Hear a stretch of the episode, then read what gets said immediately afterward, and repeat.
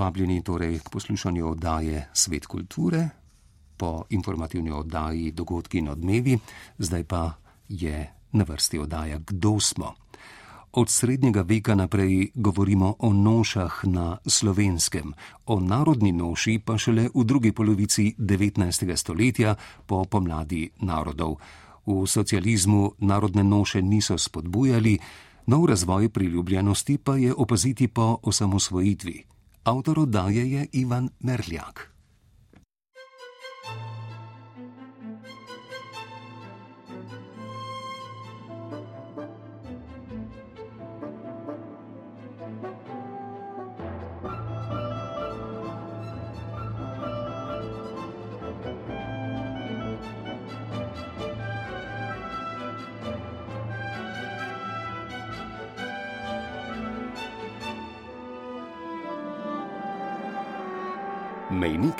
Mejniki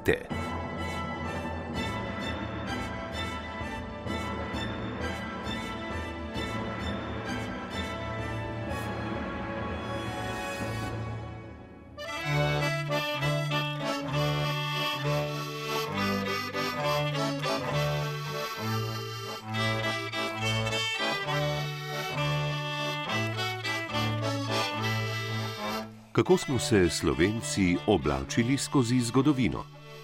Morda bi se morali vprašati, kako so se oblačili naši predniki, saj je beseda slovenec uradno starale nekaj stoletij, tja do Trubarja in njegovega zapisa.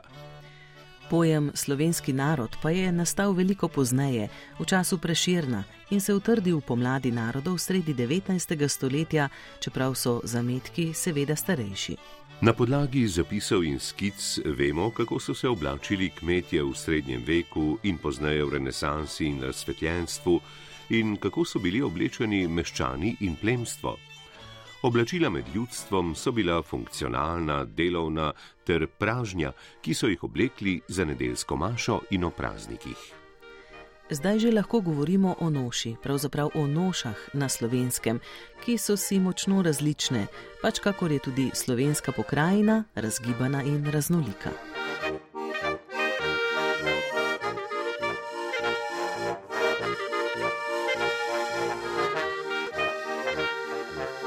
O narodni noši pa še ne moremo govoriti. Ta se je utrdila šele po pomladi narodov v drugi polovici 19. stoletja ko so Slovenci, podobno kot sosednji narodi, začeli uporabljati posebne noše, da bi tudi z obleko pokazali svojo narodno identiteto.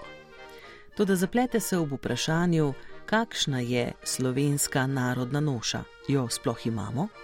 Mnogi takoj pokažejo na živo pisano gorensko nošo. Pa je res tako?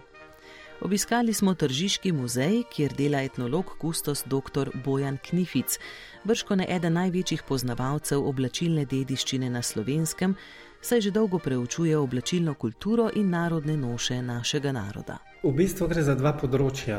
Eno je tisto, kar so ljudje oblačali v svojih vsakdanjih dneh, v pražnih priložnostih. Eh, drugo je pa tisto, kar se je razvilo kot kostumiranje, to se pravi kot preoblačanje za določene priložnosti, za določene namene, predvsem za izkazovanje zdaj ali narodne identitete ali pa tudi kakšnih drugih identitet. Ko govorimo o oblačilni kulturi, govorimo tudi o tem, kako so se oblačili plemiči, kako so se meščani, kako so se kmetje, kakšni so bili odnosi med njimi, zakaj so se nekateri oblačili tako, kot so se. Namreč gospodarstvo je vplivalo na oblačenje, politika, okolje in še marsikaj drugega. Tega pri tako imenovanih narodnih nošah ni, oziroma je stvar zelo drugačna. Čeprav razumem, narodne noše so mlajši pojav, kot je oblačilna kultura, ki sega globoko nazaj. Na vsak način, ne, o oblačilni kulturi lahko govorimo na slovenskem, tam že v srednjem veku, že od tam so prvi sicer res skromni podatki, pa potem vse naprej eh, od renesanse, baroka, pa do sodobnosti praktično. Narodne noše so se pa začele razvijati šele v sredini 19. stoletja. Take podstatine, da so se razvile, so bile sicer že prej v tej razsvetljenski miselnosti. Že pravzaprav v 16. stoletju nastajajo podobitve po Evropi kmečkega prebivalstva, ki kaže neko tako že mečkan stereotipno podobo, kako so se kmetje oblačali. In te stvari se potem prenašajo naprej, ampak v sredini 19. stoletja pa z rojstvom ali pa z nastankom ali pa z večjo to narodno zavestjo se pa začne oblikovati tudi tako imenovana narodna noša. Od tam, od leta 1848 lahko govorimo, da so se začele te tako imenovane narodne noše razvijati. Če se vrnemo nazaj, srednji vek, ja. kako bi po slovenskih pokrajinah, kakšna je bila ta oblačilna kultura, se je razlikovala? Ja, zdaj, o srednjem veku težko govorimo, ker je podatkov res sorazmerno malo. Ampak potem uh, v 17., 18., pa v prvi polovici 19. stoletja pa lahko govorimo o tem, da so se ljudje, kmetje na slovenskem oblačali različno na različnih prostorih. Ampak ne gre za delitev na pokrajine, kot jih poznamo danes, uh, torej ne govorimo o oblačenju gorencev, dolencev, štajercev in tako naprej, ampak poznamo tri oblačilne tipe ko govorimo o kmečkem prebivalstvu, glede na prostor. In ti tri oblačilni tipi so alpski, mediteranski oziroma primorski, pa panonski. In ta alpski tip je zauzemal največ eh, slovenskega območja, torej ne gre samo za to visokogorsko, gre tudi za okoliške pokrajine, v srednja seveda Gorenska, ampak potem zraven tudi Koroška, Severna Primorska, Štajerska, precejšen del Štajerske, Dolenska, precejšen del Notranske. To je bil ta alpski tip, ki ima to skupno značilnost, da ženske nosijo krila životkom moški pa nosijo podkolenske hlače. Se pravi, ta krojna posebnost zaznamuje ta alpski tip. Na mediteranskem tipu, ki je bil znan v Istri, pa v nekaterih vaseh okoli Trsta, tam se je razvila neka posebnost, ki jo drugje niso poznali, to so bili kamižoti oziroma tunikam podobna oblačila pri ženskah, ki so drugačna od teh kril z modrcem. Moški so bili tudi na tem območju podobno oblečeni kot na alpskem, ampak pri ženskah je pa to ključna razlika. Se pravi, to so bila taka netelirana, široko krojena oblačila, ki so jih nosili tam iz stranke, pa v okolici Trsta, tam do sredine 19. stoletja. Panonski tip je pa zaznamovala ta bela podoba, čeprav je spet krojna posebnost. Namreč tam so pa moški nosili dolge hlače, krojene iz, iz ravnih kosov blaga, bregeše so jim rekli, tudi druga imena še poznajo. Eh, nosili so tudi soknine dolge hlače, in se potem razlikujejo od tega alpskega območja, eh, ženske pa večinoma krila na pas. In to so ti trije osnovni tipi, ki jim na slovenskem sledimo do sredine 19. Eh, stoletja. Znotraj teh so seveda obstajale številne različice v pokrivalih, v dodatkih, v marsičem drugem, ampak težko govorimo, da so se gorenci oblačili drugače kot dolenci. V osnovi je podoba enaka. Oblačenje gorencev se od dolencev ni bistveno razlikovalo, ne od korošcev, ne od štajercev. So kakšne posebnosti, seveda, ki jih najdemo, ampak to najdemo eh, ne samo pri oblačenju, tudi pri vseh drugih prvinah kulture.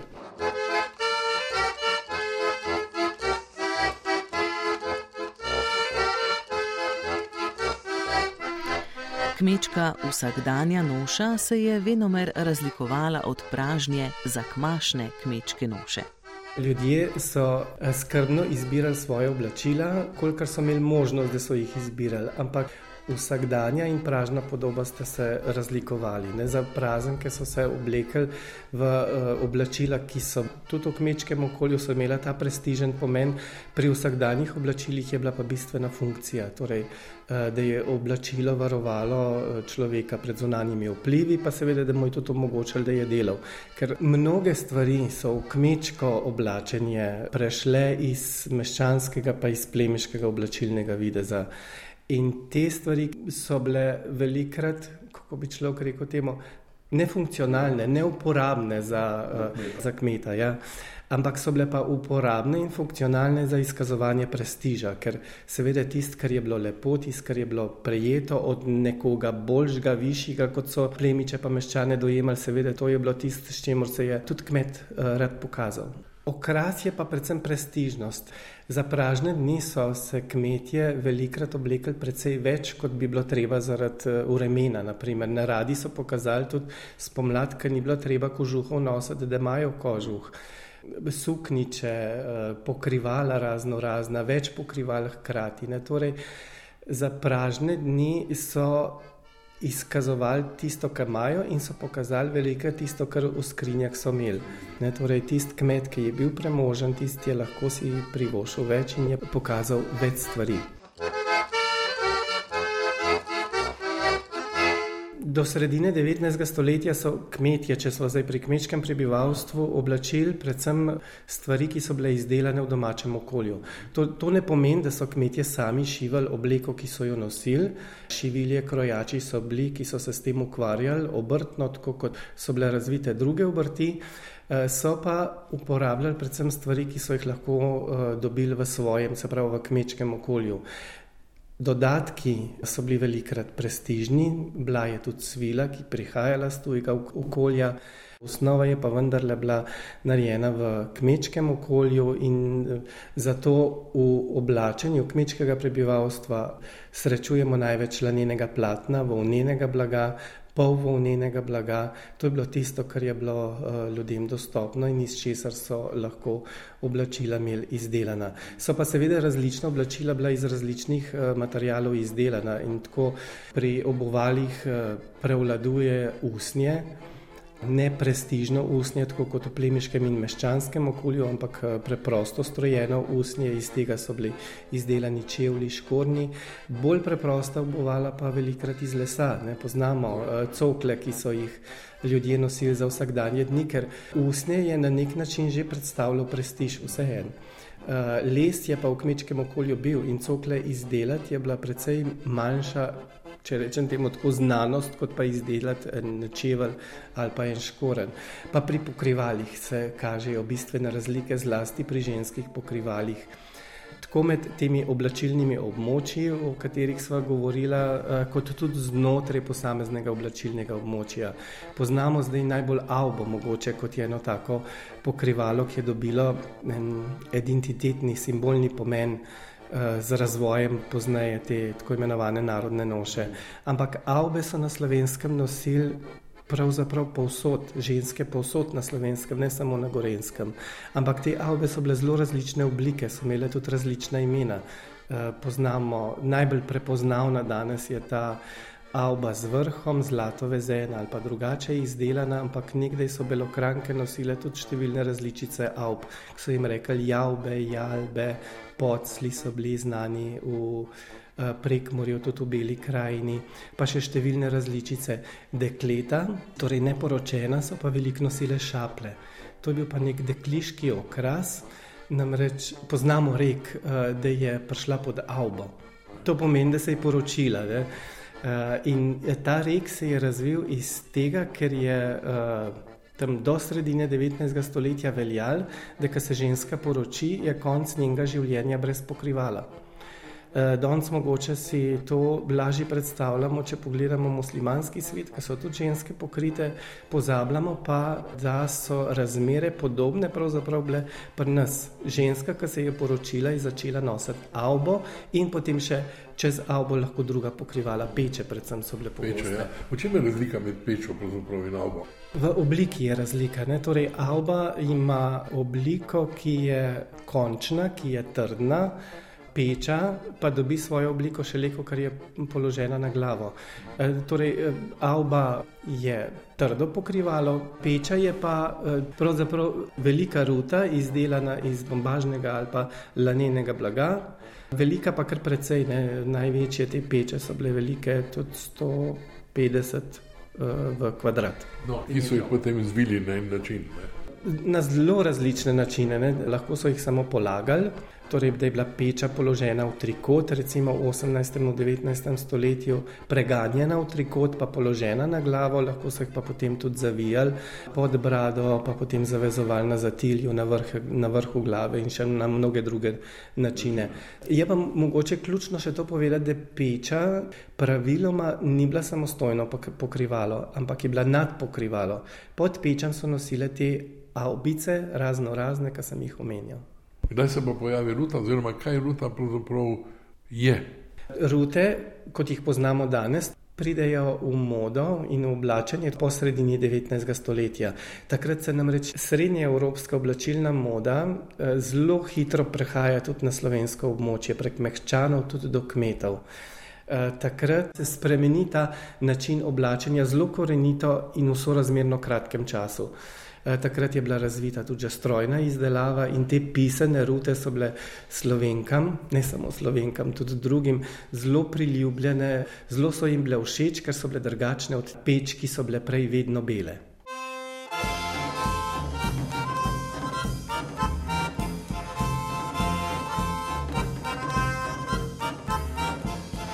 Razlike v oblačenju med kmetstvom, meščanstvom in plemstvom so poleg materijalov in krojev imele še vrsto drugih posebnosti.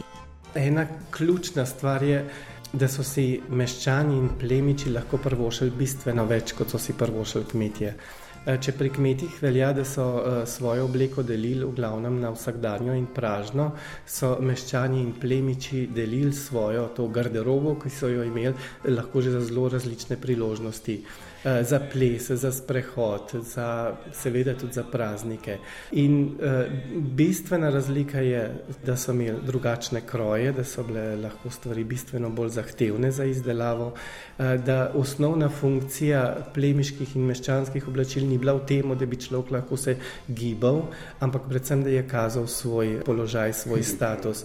Zato so imeli tudi oblačilne rede, ne, tam pravzaprav še 17. stoletje, čeprav takrat že bledijo zelo močno.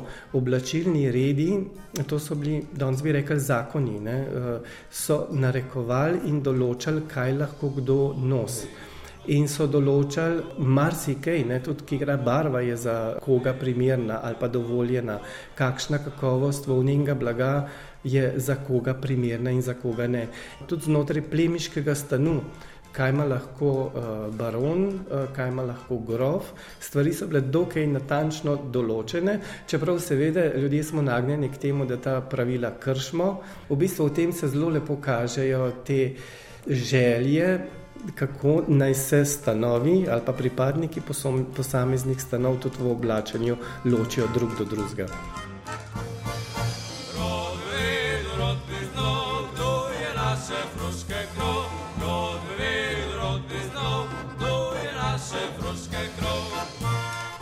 Če od oblačilne kulture na naših tleh preidemo na specifično področje narodnih nož, se moramo vprašati, kdaj nastanejo in kaj je spodbodlo njihov nastanek. Če tako zelo preprosto povem, v sredini 19. stoletja se med meščani, med slovensko zavednimi meščani, intelektualci, izobraženci, razvija ideja, ki je bila sorodna tudi drugot po Evropi, da se lahko z obleko pokaže, kateri etni narodu kdo pripada. In slovenski meščani so so v oblačenju kmečkega prebivalstva prve polovice 19. stoletja videli stvari, ki bi jih bilo mogoče predstaviti kot slovenske in so oblikovali neke vrste preobleko za te posebne priložnosti. Sprva predvsem, predvsem za čitalnice. E, torej, v čitalnicah so se predstavljale predvsem gospe, bolj kot e, gospodje, oblečeni na nek način po slovensko, kot so takrat temu rekli, oziroma po kransko.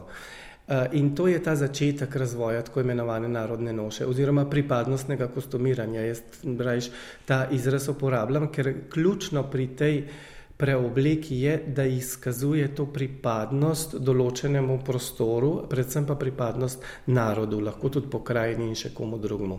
In takrat se to začne razvijati. Potem pa s taborskim gibanjem, tam v 70-ih letih 19. Eh, stoletja, to preide tudi med kmečko prebivalstvo. Namreč eh, intelektualci, Levstik, eh, pa še mnogi drugi so na taborih spodbujali kmete, da ponovno vzamejo stvari, ki jih imajo v skrinjah, se pravi te stare stvari, in da se pokažejo kot slovenci na ta način. In ta ideja se je potem seveda razvijala tudi potem ob pomembnih takih.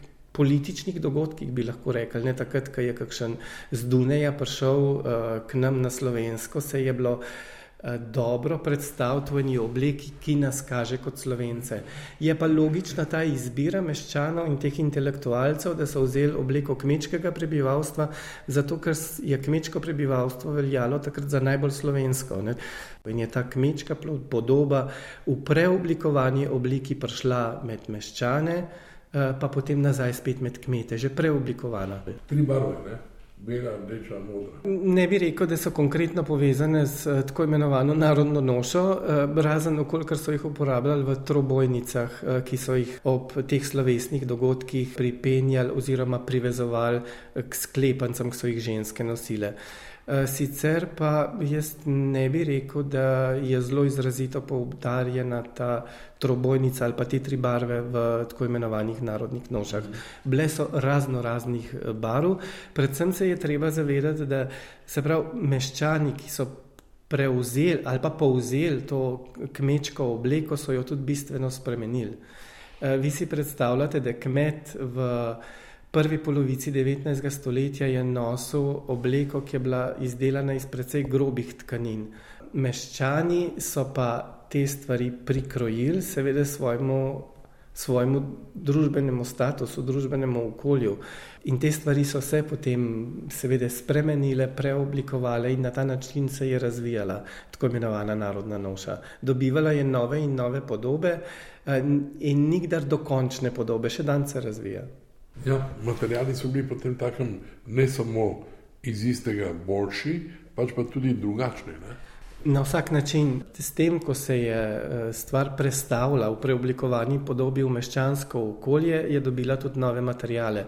Takrat svila začne prevladovati, recimo svilene obleke so postale potem v okviru tega pripadnostnega kostumiranja status.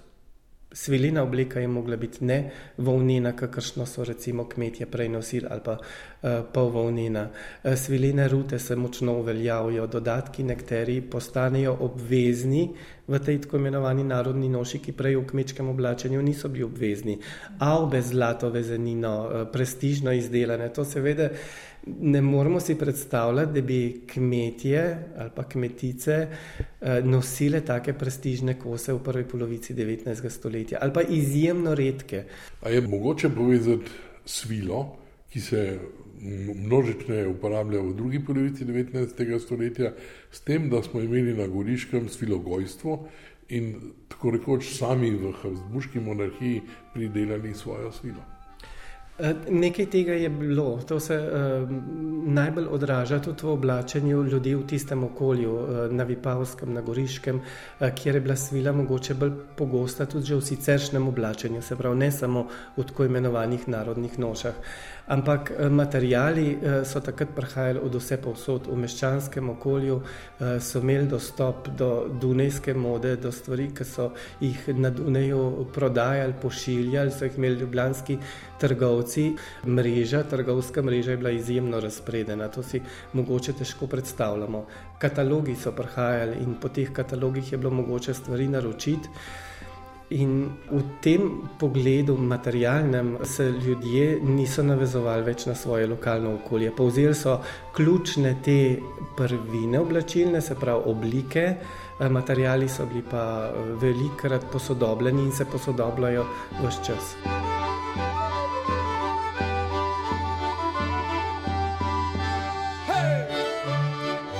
kaj je pravzaprav slovenska narodna noša? Ljudje zelo radi iščemo razlike med oblačenjem ljudi v posameznih pokrajinah. Ne zato govorimo tudi o gorencih, o dolencih, ki so se oblačili tako ali drugače. Ampak mogoče je smiselno pogledati, zakaj se ta tako imenovana gorenska narodna noša preoblikuje ali pa dobi pomen vse slovenske. Eh, zdaj, če pogledamo preteklost, eh, Gorenci se niso oblačili dost drugače kot eh, Štajerci, Korošci ali pa kakšni drugi Slovenci.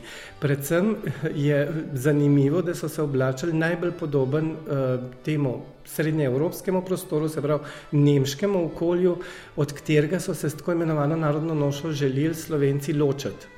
Bistven drugače so se oblačili recimo belokranci ali pa istrani, ampak njihova podoba ni bila prevzeta kot tak slovenski identitetni simbol, ampak prav ta eh, podoba gorenska je dobila to osnovo. Ključen razlog je pa v tem, da so gorenci tvorili na nek način jedro slovenstva v tem obdobju, ko se je tako imenovana narodna noša razvijala. Tam je bil preširen v vrbi, eh, pisal je o Triglavu, Bohinju, Obledu in ta krajina, ta del Slovenije tvori simboliko, ne samo pokrajinsko, ampak tudi oblačilna dediščina z tega prostora je bila vzeta za osnovo oblikovanja te tako imenovane narodne noše. Zato ta gorenska podoba potem s časoma prevlada že v 19. stoletju kot nek znak vse slovenskega. Torej, ne samo gorenskega, ampak tudi vse slovenskega in se širi uh, tudi na druga območja uh, potem v 20. stoletju. In še danes večina ljudi, vsaj po mojih občutkih ali pa to, kar se z ljudmi pogovarjam, ima za najbolj tak slovenski simbol prav to gorensko podobo. Je res, da sicer v okolici Trsta uh, so se razvijale druge različice in uh, tržačani uh, in okoličani so zelo navezani na to svojo oblačilno dediščino, ki so jo izjemno lepo razvili uh, tudi v 20. stoletju. Uh, prekmorci se mogoče mečkan težje istovetijo s to gorensko podobo, ampak tudi tja je skoraj zašla in jo tudi kdaj tam najdemo, čeprav so tudi ponosni na te svoje stvari, ki jih imajo. Belokranci uh, so pa uh, tudi prevzeli zlasti v mestih, se pravi Črnomelj, Metlika. Mnoge prvine, ki so bile na Gorenskem ali pa tem, na tem alpskem območju poznane. V tem že pred Prvo svetovno vojno, pa potem med obema svetovnima vojnama se razvija ena ideja o dečvi, ko so to imenovali takrat slovenska dečva. Namreč eh, moda, to je bila oblačilna moda, ki bi bila eh, sodobna, v sebi naj bi pa združevala prvine preteklosti.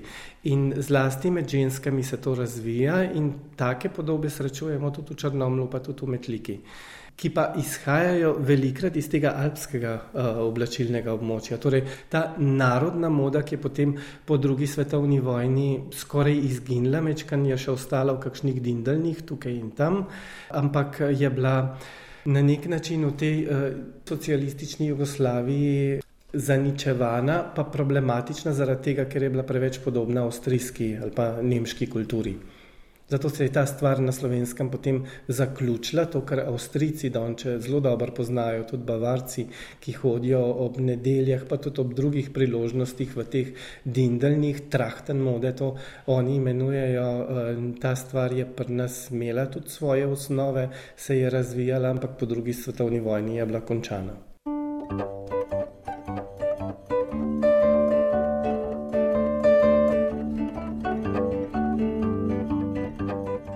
Nekem smislu zlato obdobje narodnih nož je bilo od sredine 19. stoletja pa do konca druge svetovne vojne. Je res to? E, mogoče skoraj najbolj zlato obdobje bi rekel, da je bilo tam pred Prvo svetovno vojno. En pomemben dogodek je bil leta 1908. E, cesar Franc Jožef je takrat praznoval 60. obletnico vladanja in takrat je bila na Dunaju na velika slovesnost.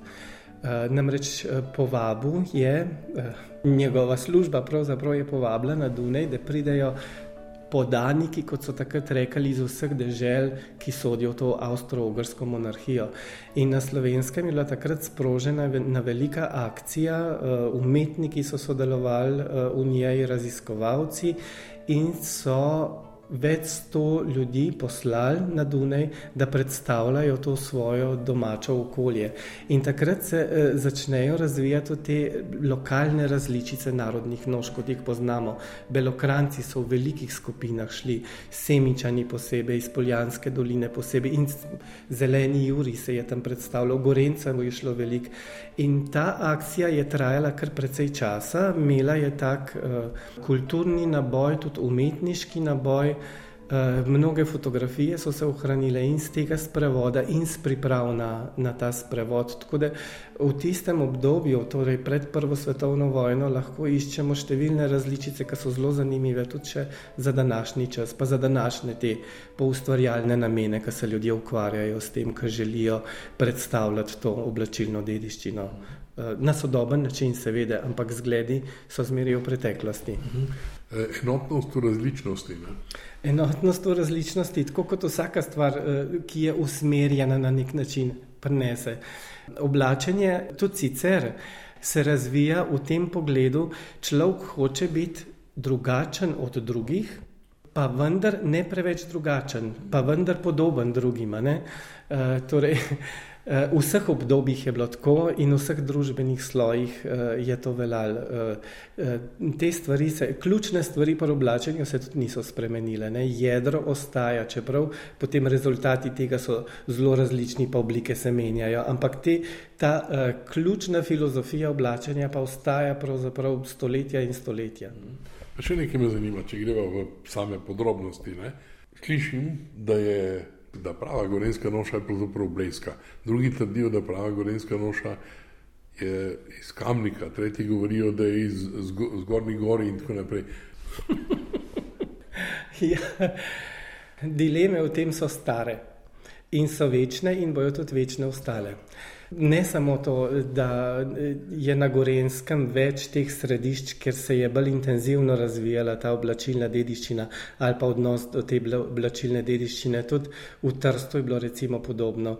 Poznamo eh, časopisne članke z konca 19. stoletja, kjer se dve uh, bralki in pisalki v slovenki uh, med seboj prerekata, kaj bi bilo prav in kaj je, kaj je slovensko, kaj ni slovensko, kako bi mogli biti, kako bi se s tem ukvarjali. Eh, in na Gorenskem so podobne stvari. Je pa res, da ta uh, blejski konc uh, je intenzivno razvijal ta odnos do oblačilne dediščine, tudi tako imenovano narodno nošo. Je pa zdaj ne mogoče govoriti o točnem kraju in o točnih osnovah. Če bi mi imeli na državni ravni nek konsens o tem, kakšna bi konkretno slovenska narodna noša bila, če bi bilo to zapisano, da ne rečem uzakonjeno, tako kot za zastavo vemo, kakšna je, taka je in nič drugačna, potem bi bilo mogoče lažje o tem govoriti, ampak tega ni. In s tem nimamo težave samo slovenci, ampak pravzaprav vsi. So pa ideje, pa vedno prisotne in zmeri znova pridejo na dan. Mogoče se spomnite pred časom.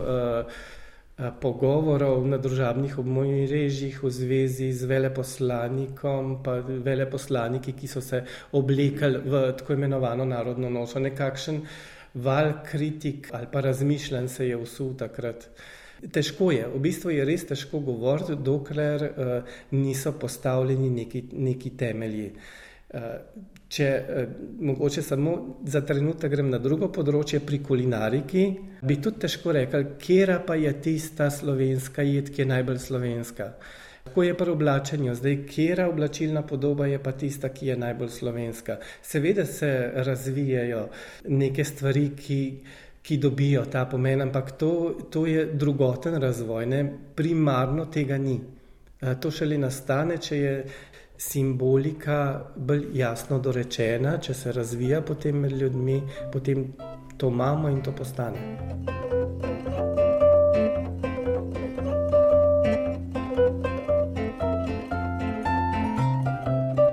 V tem zlatem obdobju, v teh sto let, kot sva rekla prej, ne, ali se ta moda spremenja, dopolnjuje, dograjuje ali je vse čas enaka? Če govorimo o modi, eh, se pravi oblačilni modi, seveda se korenito spremenja. Če pa govorimo o tako imenovani narodni noši, so pa tudi spremembe kar precejšnje. Če je bilo v, tem, v 19. stoletju še veliko tega, da so ljudje res nosili stare oblačila, se pravi tiste, ki so najdali v skrin, potem konc 19. stoletja, zlasti pa v 20. stoletju, vedno pogosteje izdelujejo nove.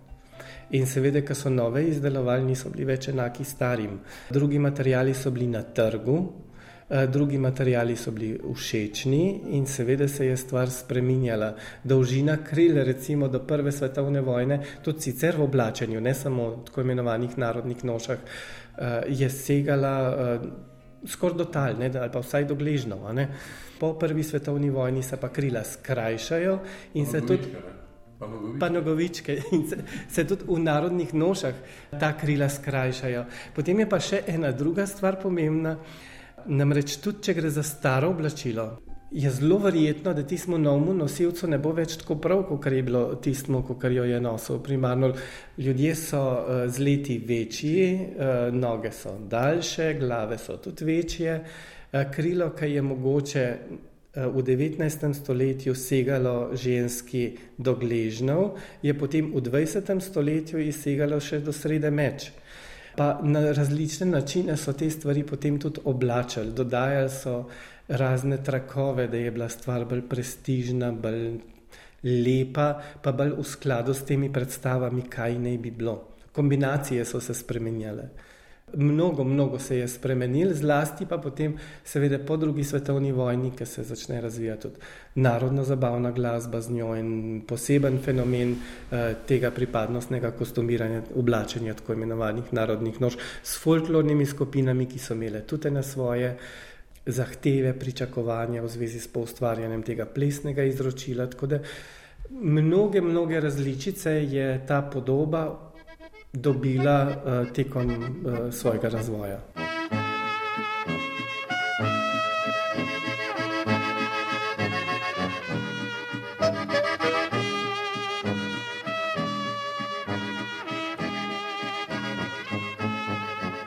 V drugi polovici 20. stoletja s pojavom Avstrijnika se začne ta narodna noša, tako imenovana Gorenska, spet uh, povzdigovati v nekem smislu. Na nek način se začne na novo prebujati in v novo funkcijo dobine. Zanimivo je, da uh, ansambl bratov Avsenik, ki je nastal 53. leta, je za svojo odrsko podobo prevzel to tako imenovano narodno nošo, zelo kmal. In uh, drugi narodno-zabavni ansambli, ki so posnemali Avsenika, potem v poznejših letih so skupaj z, to, z tem glasbenim posnemanjem prevzeli tudi njihovo podobo. Uh, če tudi niso bili na Gorenskem, so, če tudi so izhajali iz drugega okolja, ampak ta podoba je postala en simbol tudi glasbe. Narodno-zabavni ansambl ni bilo treba slišati, da si ga lahko prepoznal kot narodno-zabavni ansambl, tudi seveda po glasbenem sestavu lahko, uh, predvsem pa po oblekah, po, po sliki sami. Ja. Jasno je, oziroma precej razumljivo, zakaj se je Avsenik odločil za to oblačilno podobo. Izhajajo je iz Gorenske, z Begun, torej širša okolica tega blejskega konca. Eh, te stvari so bile na Gorenskem, eh, so se našle še pri ljudeh doma, potem so se izdelovali na nov, kot smo se že pogovarjali.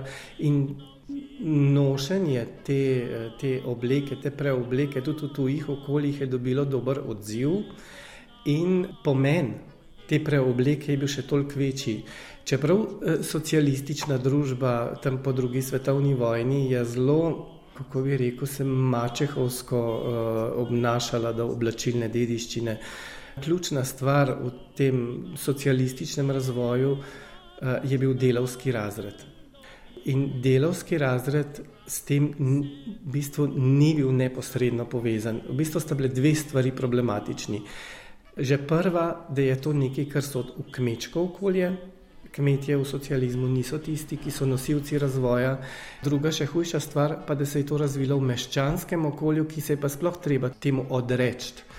In po drugi svetovni vojni ta tako imenovana narodna noša ni bila zaželena. Pogosto so jo povezovali s nekim nazadnjaštvom, s cerkvijo, cerkvenimi prazniki, čeprav se med obima svetovnima vojnama pojavlja tudi na drugih uh, dogodkih, ne samo tistimi, ki so bili s cerkvijo povezani, recimo na gasilskih veselicah, pa na orlovskih, no, ti so bili crkveni, ampak sokolskih prireditvah tudi in ob drugih priložnostih. Ampak vseeno, to kmetsko pa meščanstvo je bilo tisto, ki ni bilo zaželeno in s tem se ta socialistična družba ni želela ukvarjati. Mnogi tam po drugi svetovni vojni so z obžalovanjem spremljali, kako se je v bistvu ta stvar razvrednotila, ki je imela pred drugo svetovno vojno uh, velik pomen za, za družbo. Pa ne samo to, se narodna noša ni imela samo te funkcije predstavljanja slovenstva, ampak tudi dajanja enega takega slovesnega pridiha določenim dogodkom. To, kar se potem začne zelo prebujati po slovenski osamosvojitvi, ko odpirajo ceste, pa eh, so tam zraven ljudje, ki so v narodnih nošah, pa z razvojem prireditve v Kamniku, eh, dnevi narodnih noš in oblačilne dediščine, ki sicer ima zgodnejše korenine, ampak vendarle potem en svoj razcvet doživlja po letu 90, po osamosvojitvi.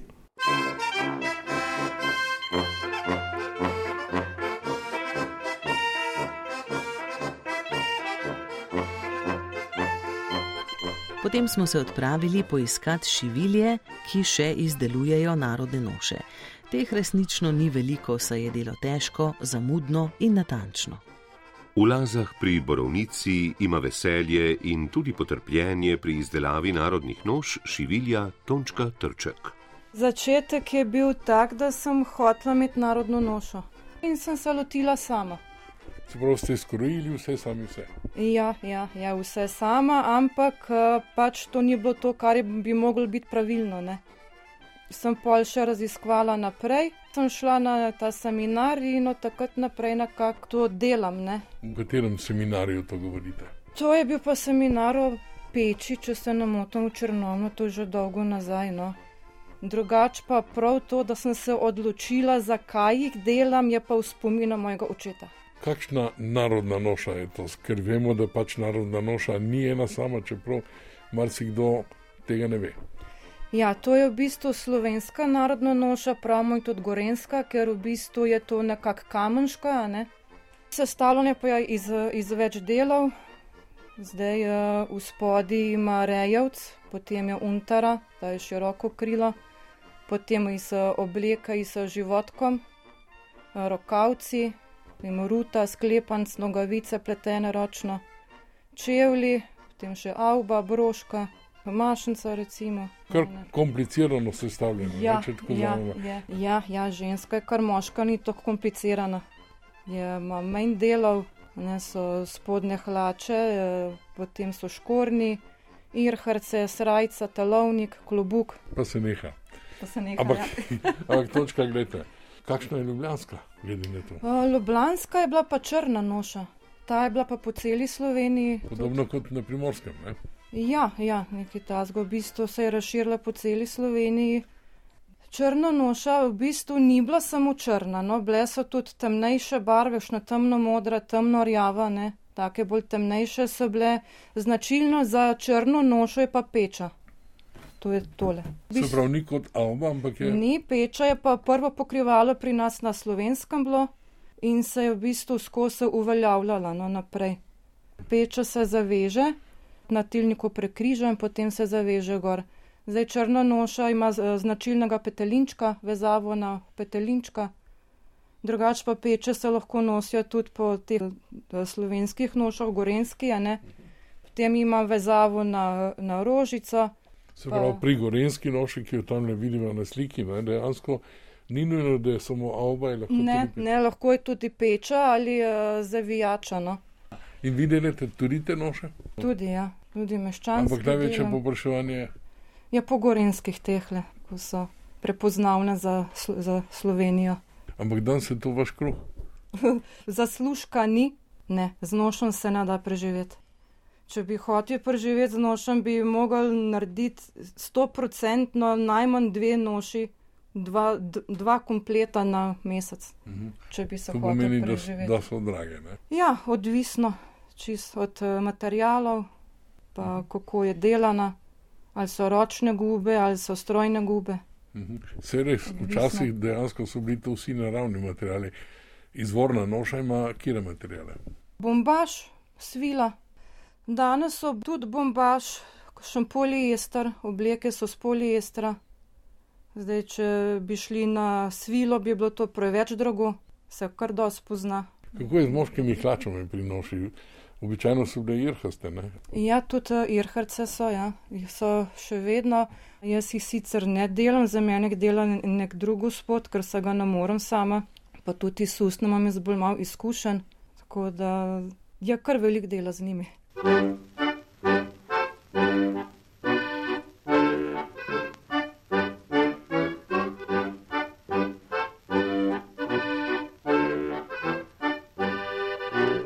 Škoflici pa smo obiskali čevljarskega mojstra Primoža Štajnarja, ki za narodne noše izdeluje čevlje in predvsem škornje, pa tudi irhaste hlače in vse drugo, kar je usnjenega.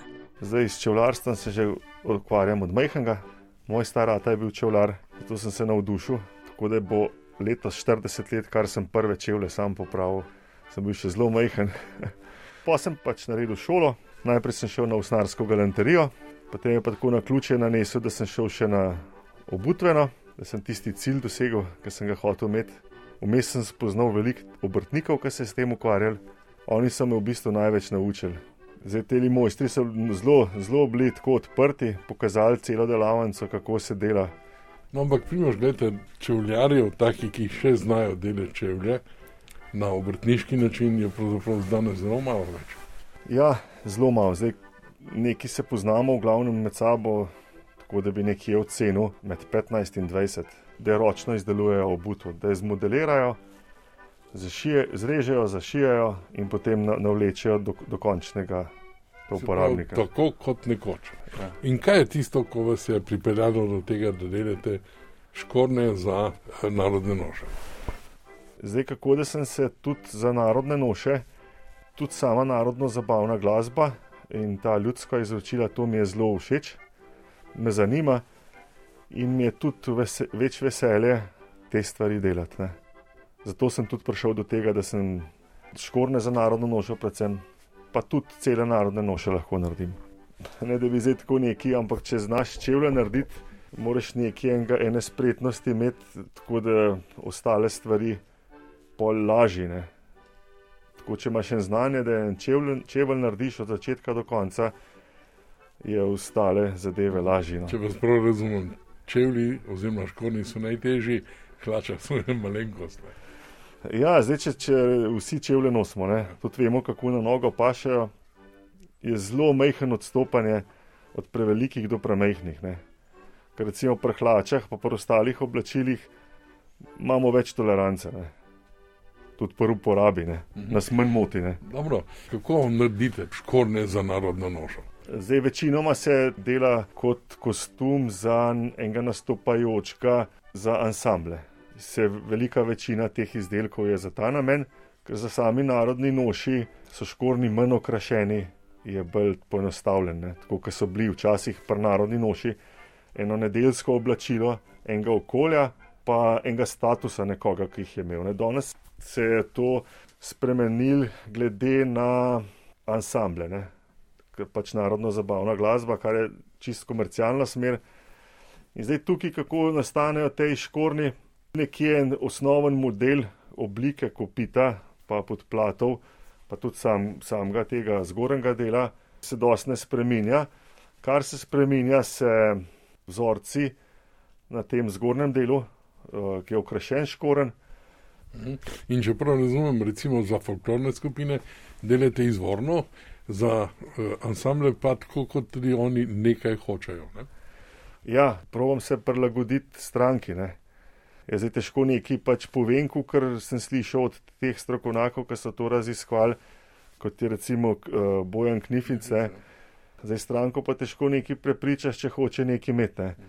Tako da, kar ima stranka željo, se probujem čim bolj prilagoditi. Se pravi, če hoče izvorenega, se tako naredi, če pa hoče razne okraske, pa te stvari, kar niso tako izvorne kot pri narodni noši, ne že bolj kot ansambelska zadeva, pa pač tudi tako naredim. Ne. Bliže resnici so potem takem folklorne skupine. Jaz mislim, da je tukaj, po mojem mnenju, nisem pač strokovnjak iz tega raziskovanja, da je tukaj zelo nedorečen zaradi tega, ker samo krasil, krasilna umetnost, pa krasilstvo, ne, že v, pač v, v zgodovini, je bilo zelo različen. In tudi je bilo tudi od sposobnosti nekoga, ki je to delal, pa koliko se je časa vzel, že, že to je bilo, to je vplivalo na okrašenost. Tako da zdaj čist reči, kaj je, kdaj bilo, pa kaj ni bilo, je zelo, zelo težko. Ja. Kaj pa tako imenovana meščanska noša? Ja, kot sem že prej rekel, ne, vsak okolje ne, je imel neko določeno modo v enem obdobju. Ne.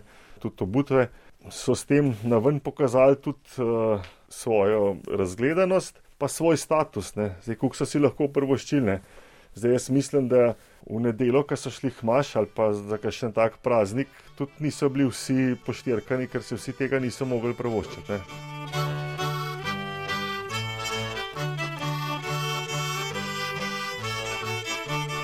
Čuljarski mojster Primo Štajnar obžaluje, da imamo v Sloveniji tako malo posluha za ohranjanje narodnih nož vseh oblik in pokrajin.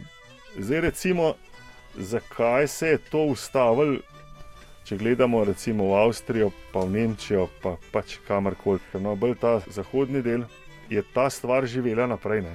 Uh, nas je v bistvu ena globalizacija požrla v tem smislu, da ta noša ni šla naprej, da bi se razvijala, da bi to še zmeraj uporabljali ob nedeljah. Ne.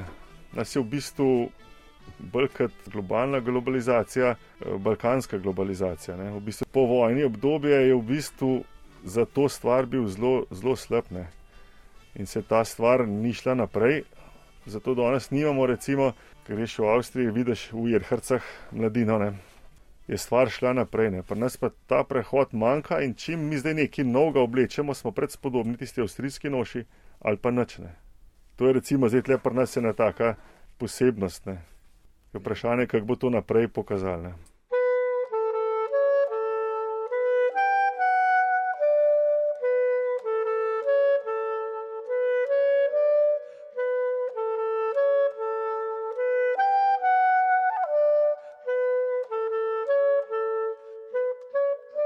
Narodna noša, katera bi bila slovenska. Ne? Je po mojem zelo težko reči, ker s tem omejimo uh, naše bogatstvo različnosti, ker imamo toliko različnih pokrajin, pa različnih nož, da s tem, če bi hoteli narediti enotno, bi lahko marsikaj zatrli ne? ali pa spregledali kakšno tako stvar. Tako da v tem bi vseeno bilo boljše ostane pri tem, da so pokrajina, ne, ne kot slovenska, ne, narodna noša neko tenovito. Ne. Ja, težko bi, težko bi, lik zaradi tega, ne, ker bi preveč, preveč bi se specializirali samo na eno stvar. Ne. Bi marsikaj bi se zaradi tega odmaknili. Če gledamo recimo na prekmursko, zilsko, beneško, belokransko, tle, osrednja Slovenija, ljubljanska, ne, pa gorenska, pa sigurno sem še kaj, so tako različne, ne, da težko kaj najdemo skupaj. Ne.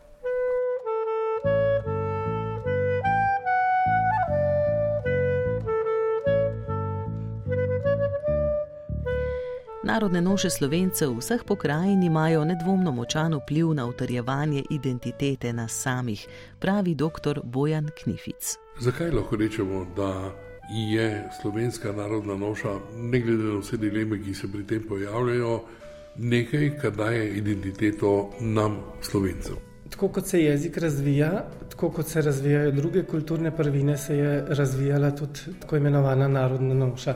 In prav v povezavi z identiteto, torej z razvojem občutka pripadnosti določenemu prostoru, predvsem pa občutka pripadnosti narodu. In mislim, da to funkcijo uh, more ohraniti tudi v sodobnosti.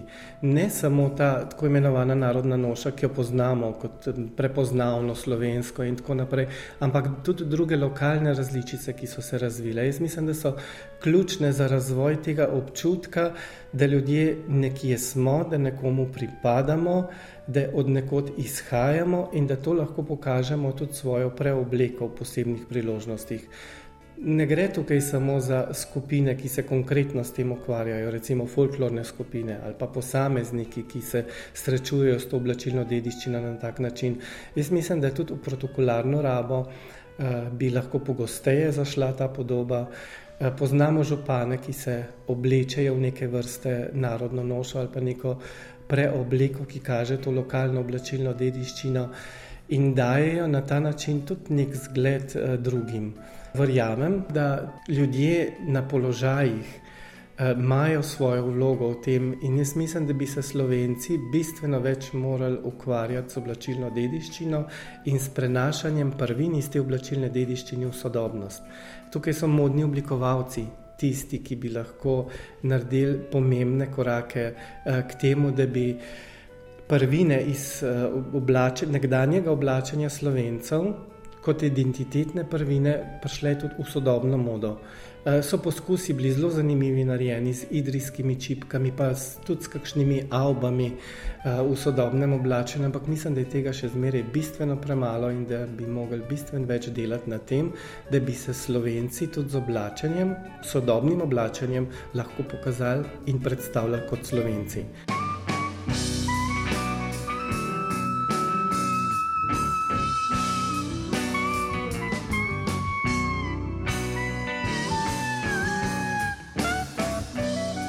To je bila oddaja Mejniki identitete o slovenski oblačilni kulturi in narodnih nošah.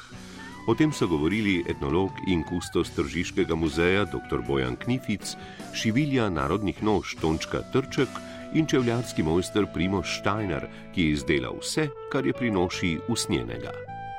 Oddajo sva povezovala Jure Franko in Mateja Perpar.